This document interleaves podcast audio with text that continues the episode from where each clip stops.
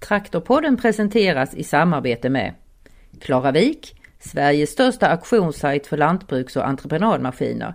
På klaravik.se kan du lägga bud på både nya traktorer och veterantraktorer.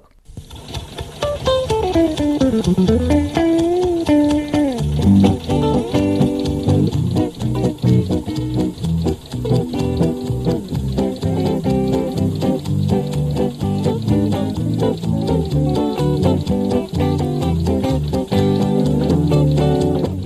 Välkommen till Traktorpodden. Det här är podden som bara handlar om veterantraktorer och det kan bli hur nördigt som helst. Du hör som vanligt här Lars Wernersson. Och vid min sida som alltid Helena Wenström. Hej hej! Om bara ett par dagar kan alla gröngula traktorfans fira ett viktigt jubileum. Då är det 60 år sedan John Deere presenterade The New Generation of Power. Efter ett stort hemlighetsmakeri lanserades de nya traktorerna med buller och bång i Dallas. Precis så amerikanskt som man kan föreställa sig utifrån alla svartvita filmer som man såg i ungdomen. Ja, så gammal är jag alltså. From the Coliseum, we moved out into a 15 acre lot that looked like a circus ground.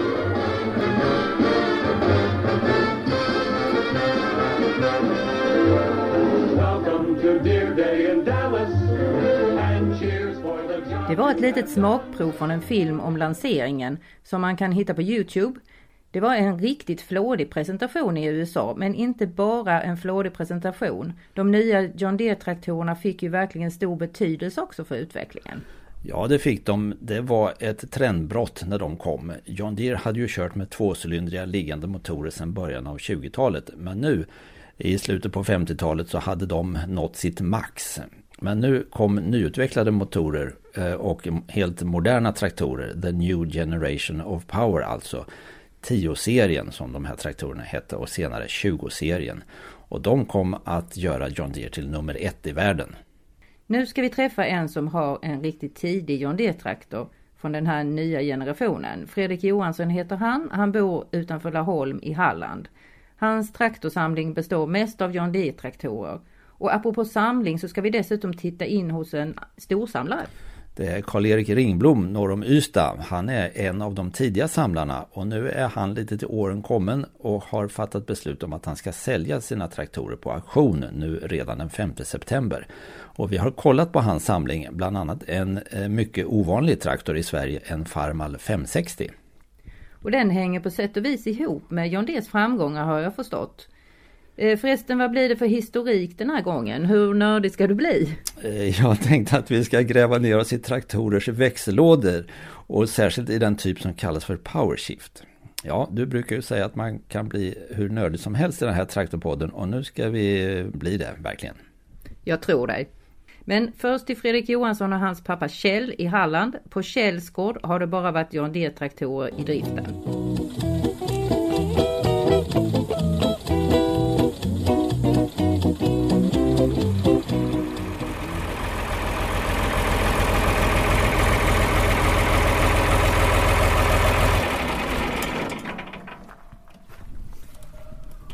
Hej Fredrik, vad är det du kör? Jag startade just en modell 4020 från 1965. Den är lite säregen ja, det är den. Den eh, var nog en av de tidigare som de importerade här till Sverige. Kanske den till och med det allra första. Kan vara. Det lite svårt att veta men jag, ja, bland de första i alla fall. Det ser du på tillverkningsnumret. Tillverkningsnumret ja. Den har 112 025 heter den. Och det indikerar att det är en tillverkad 65. Och just modellen 4020 den kom ju i produktion 1964. Den samla, hamnade här delvis på grund av samlarintresse samt att den användes lite i driften när den kom hit också. Så den gick bland annat för eh, sladdharven, slätharven och eh, såmaskinen. Och eh, utrust, utrustades med dubbelmontage och eh, lite bredare framhjul. Så det blev låg markpackning så det var en ypperlig vårbrukstraktor. Den har ju en modernitet som var riktigt modern när det kom, nämligen powershiften. Det, är det den enda sån här traktorn ni har här? Det stämmer ja. Detta är den enda powershiftern som finns. Så den är väldigt smidig att hantera så man behöver inte använda någon koppling när man växlar. Har du renoverat den här traktorn? Nej, den är helt i originalskick. Den är lite modifierad i framvagnen för det satt bred framvagn på den tidigare. Men eh, det har satt sammanställda framhjul och det var också en, ja, få den lite mer amerikaniserad. Är det så du vill ha den, att det ska vara patina och originalskick?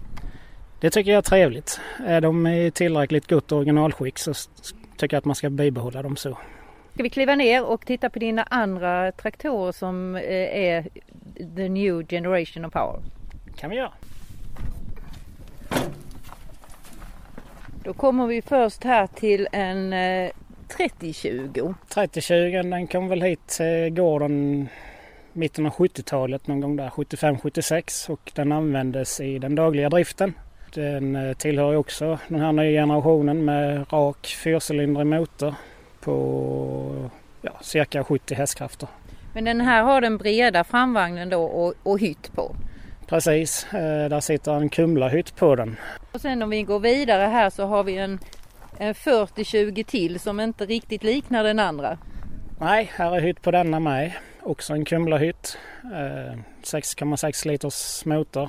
Eh, de ändrade väl effektantalet i det efterhand.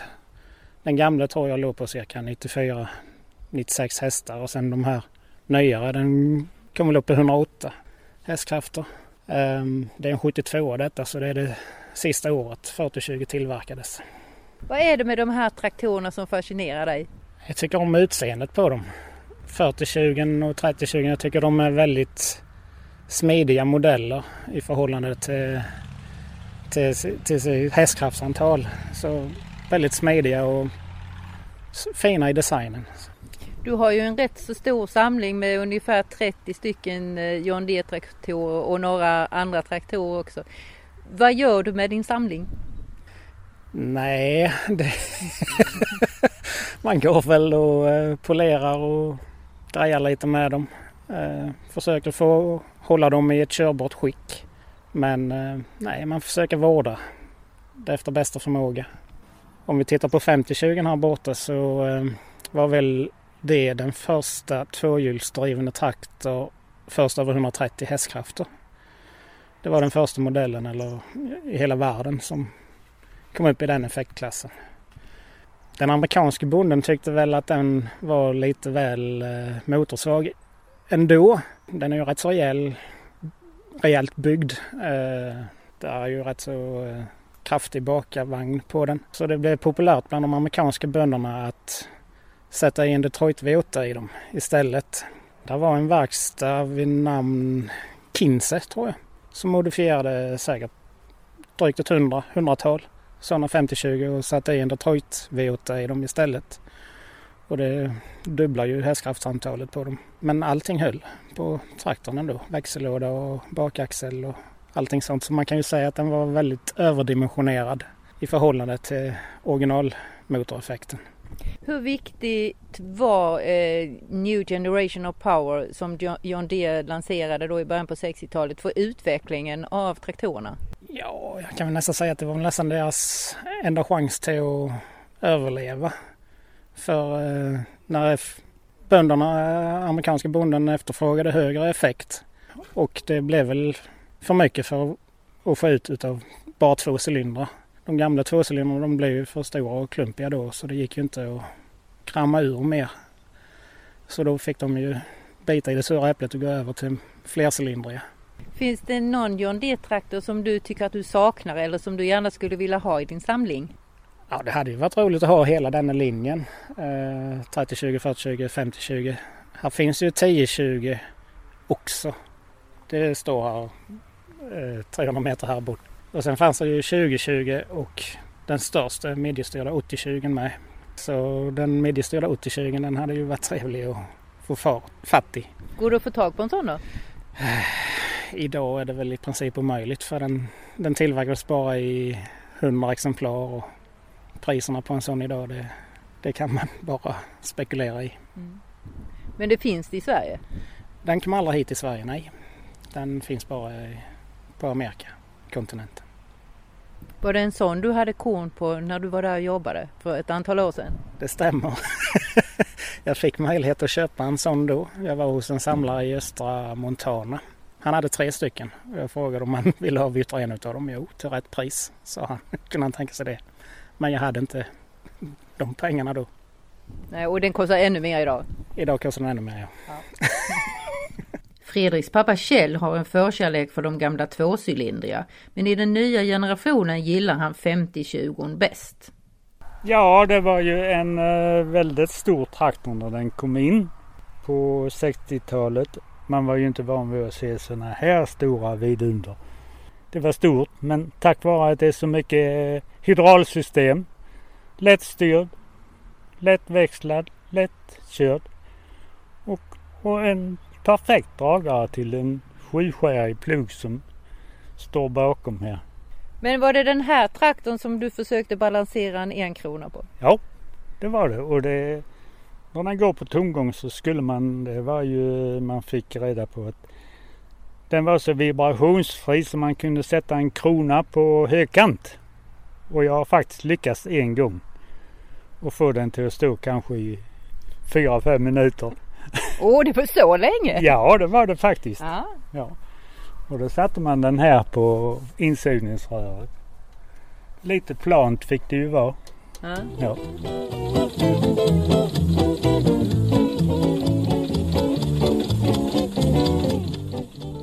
Nu blir det historik och du ska prata om växellådor som du sa. Vad är det för intressant med växellådor då?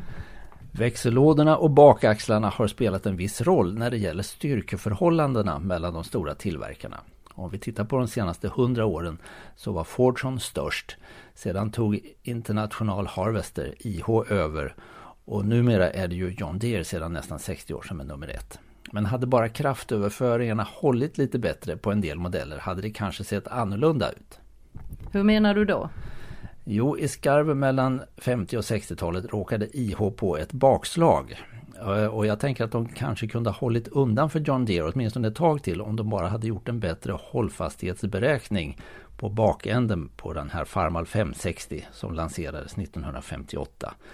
Det var en konstruktion för 38 hästkrafter. Eh, Farmal M's bakände togs över av den här nya modellen. Och den håller inte för vridmomentet i en diesel på nästan det dubbla eh, hästkraftsantalet. Men det var vad IH gjorde, satte en diesel i den här traktorn. Det är väl en sån som Karl-Erik Ringblom har som vi ska prata om lite senare. Ja, visst, men han har den problemfria bensinvarianten som ska säljas nu alltså. Eh, medan de här bensinarna gick bra så havererade dieslarna. Och i senaste numret av klubbtidningen IH-journalen finns det här beskrivet.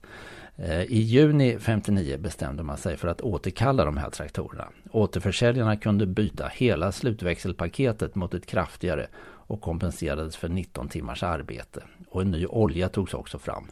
Problemet var löst, traktorerna fungerade utmärkt men det blev dyrt. Och samtidigt sköt John Deere fram sina positioner med de här nya modellerna. 10-serien 1960 och 20-serien tre år senare. De traktorer som Fredrik och Kjell Johansson berättade om tidigare. Tronskiftet skedde 1963, vilket sammanfaller med det år då John Deere hade en powershift klar och den befäste John Deeres ledarställning. Powershift är ju ett ord som man hör lite då och då. Vad är egentligen en powershift? En kraftväxel. Ja, det är en halvautomatisk växellåda. Man växlar genom att dra i en spak och man behöver inte koppla ur med kopplingspedalen alltså. Eh, med en vanlig växellåda så stannar ju normalt en traktor under till exempel plöjning när man byter växel. Men med en powershift så gör man det i farten. Var John Deere först med det då?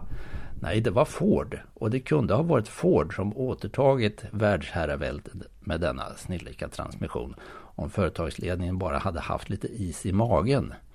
För i februari 1959 rullade Ford ut flera nya USA-tillverkade traktormodeller med Select O-Speed som den här transmissionen hette. Eh, det var en serie planetväxlar som styrs med hydraulventiler och tio hastigheter framåt och två bakåt. Och det var ju någonting helt nytt och, och unikt. Men den här växellådan var inte färdigutvecklad. Den krånglade och fick dåligt rykte. Du brukar ju alltid säga att det finns en person i början av en utveckling, alltså någon som kommer med själva idén. Vem var det som kom på det här med PowerShift?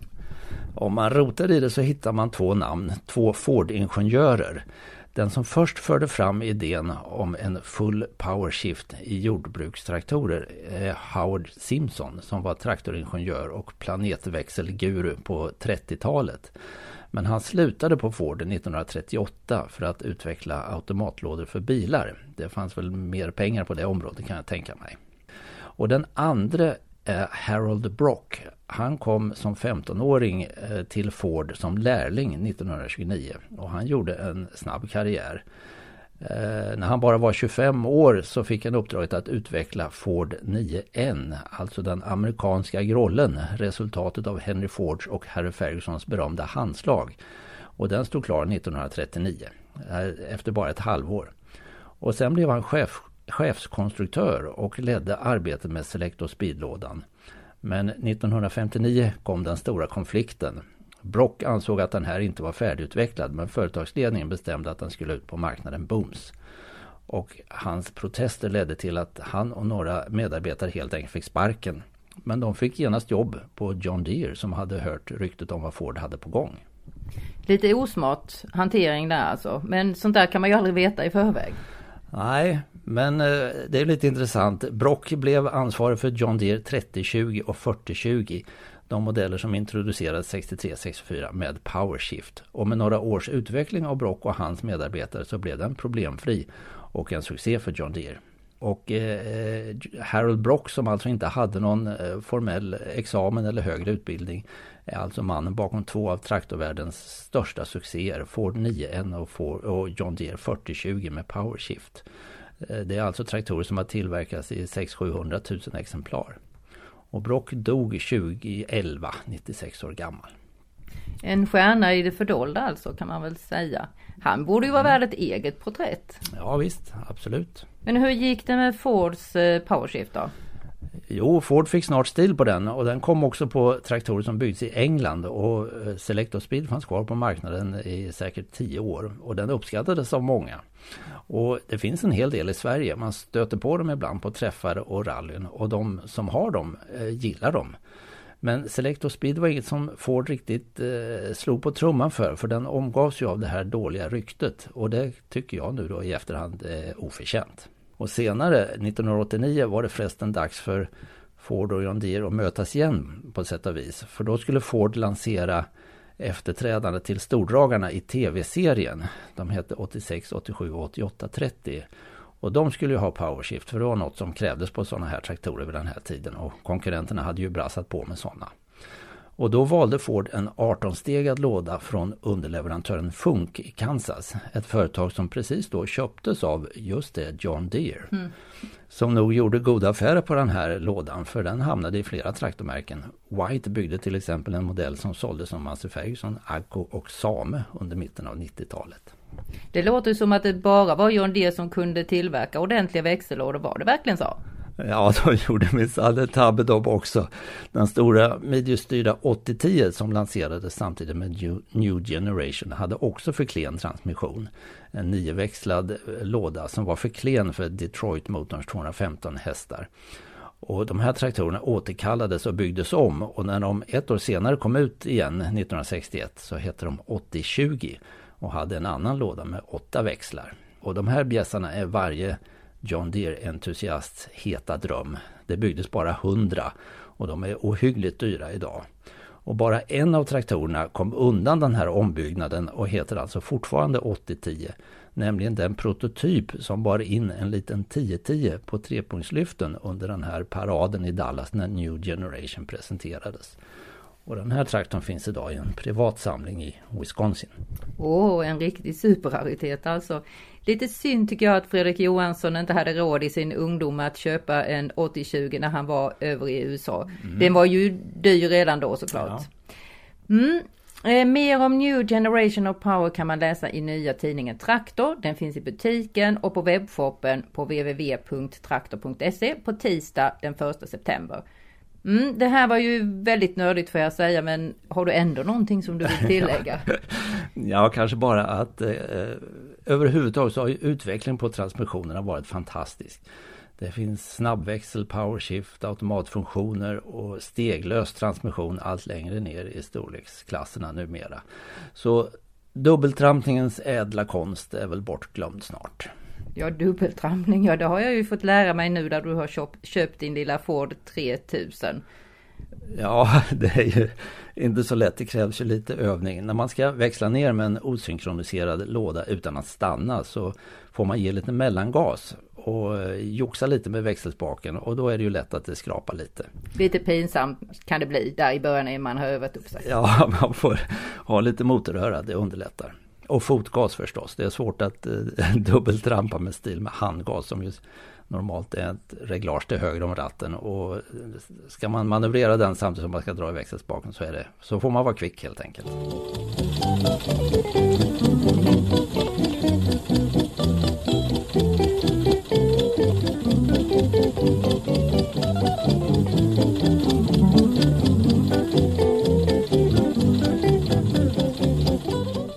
Karl-Erik Ringblom säljer 58 av sina traktorer.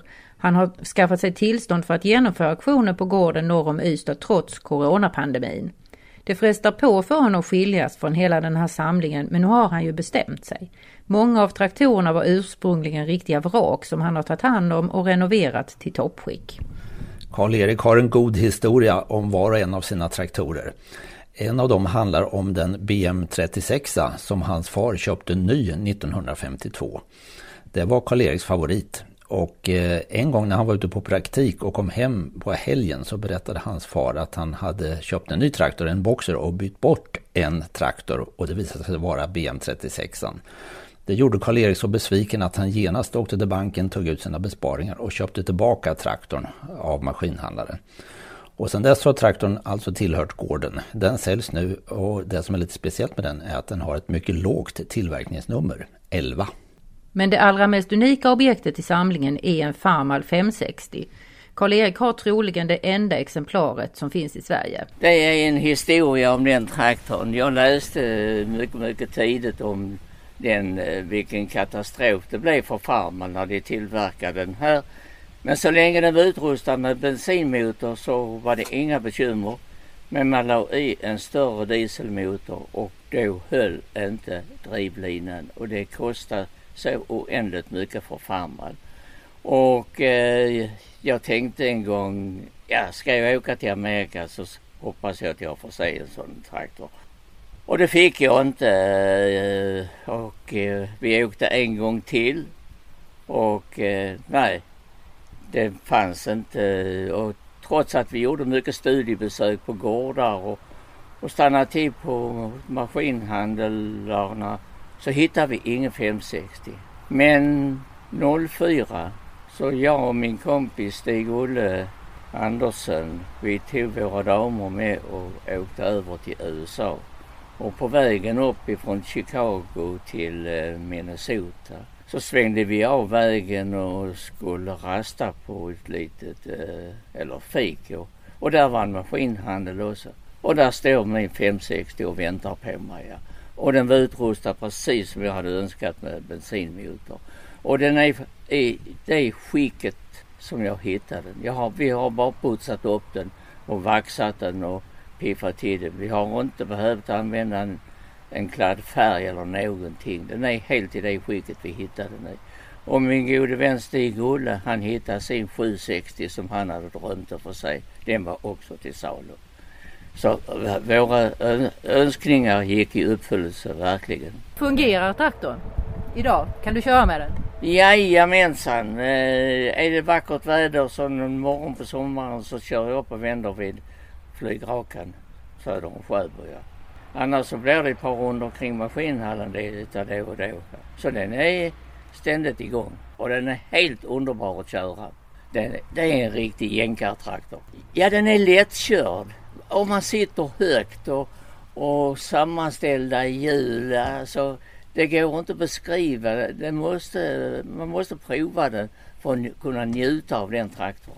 Och så har han en McCormick B414 som han skaffade sig i Sibirien. Ja, det låter lite lustigt ju. Eh. Ja, jag var faktiskt i Sibirien och hämtade den också. Ja. Det, den stod ute i skogen och en eh, chaufför som var och hämtade skrot hos mig. Han eh, berättade ju då att han körde ju nästan skrot jämt ju. Och då lämnade jag mitt telefonnummer ifall det var någonting som kunde passa mig. Och ungefär ett halvår efter så ringer han en dag och sa ja, jag är i Sibirien och, och röjer och där står en traktor. Är det någonting du är intresserad av? Så jag åkte upp där och eh, ja, det var inte mycket till traktor. Vi drog fram den ifrån skogsbrynet ju. Men vi satte ett rep i och han drog med lastbilen och, och när jag släpper kopplingen så går faktiskt traktorn igång. Ja, det är helt osannolikt men det är faktiskt sant. Ja. Så det blev till att lasta den och ta den hit här till min samling. Ja. Vad gjorde du sen vid den när du fick hem den? Ja, det var ju rätt så mycket jobb för den var ju fullständigt upprustad. Det var att jaga, skärmarna gick att rädda men huv och det, det, det har jag ju lyckats att få tag i. Och jag har eh, galler, det har jag tillverkat av ett rapsåll ja, till en tröska. Så det tar sin tid men så småningom så blev det faktiskt stil på det. Ja, vi behöver inte säga att det är norr om Hässleholm. För jag hade ju en busslast där en gång så berättade jag det. Ja, sa han, hur i all sin dag fick du den? Det har kostat många pengar i transport.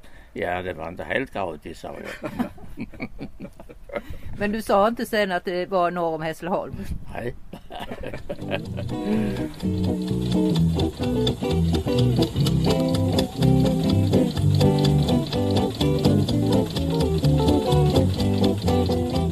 Och det här var allt för den här gången. Det här avsnittet av Traktorpodden presenteras i samarbete med Klaravik, Sveriges största auktionssajt för lantbruks och entreprenadmaskiner.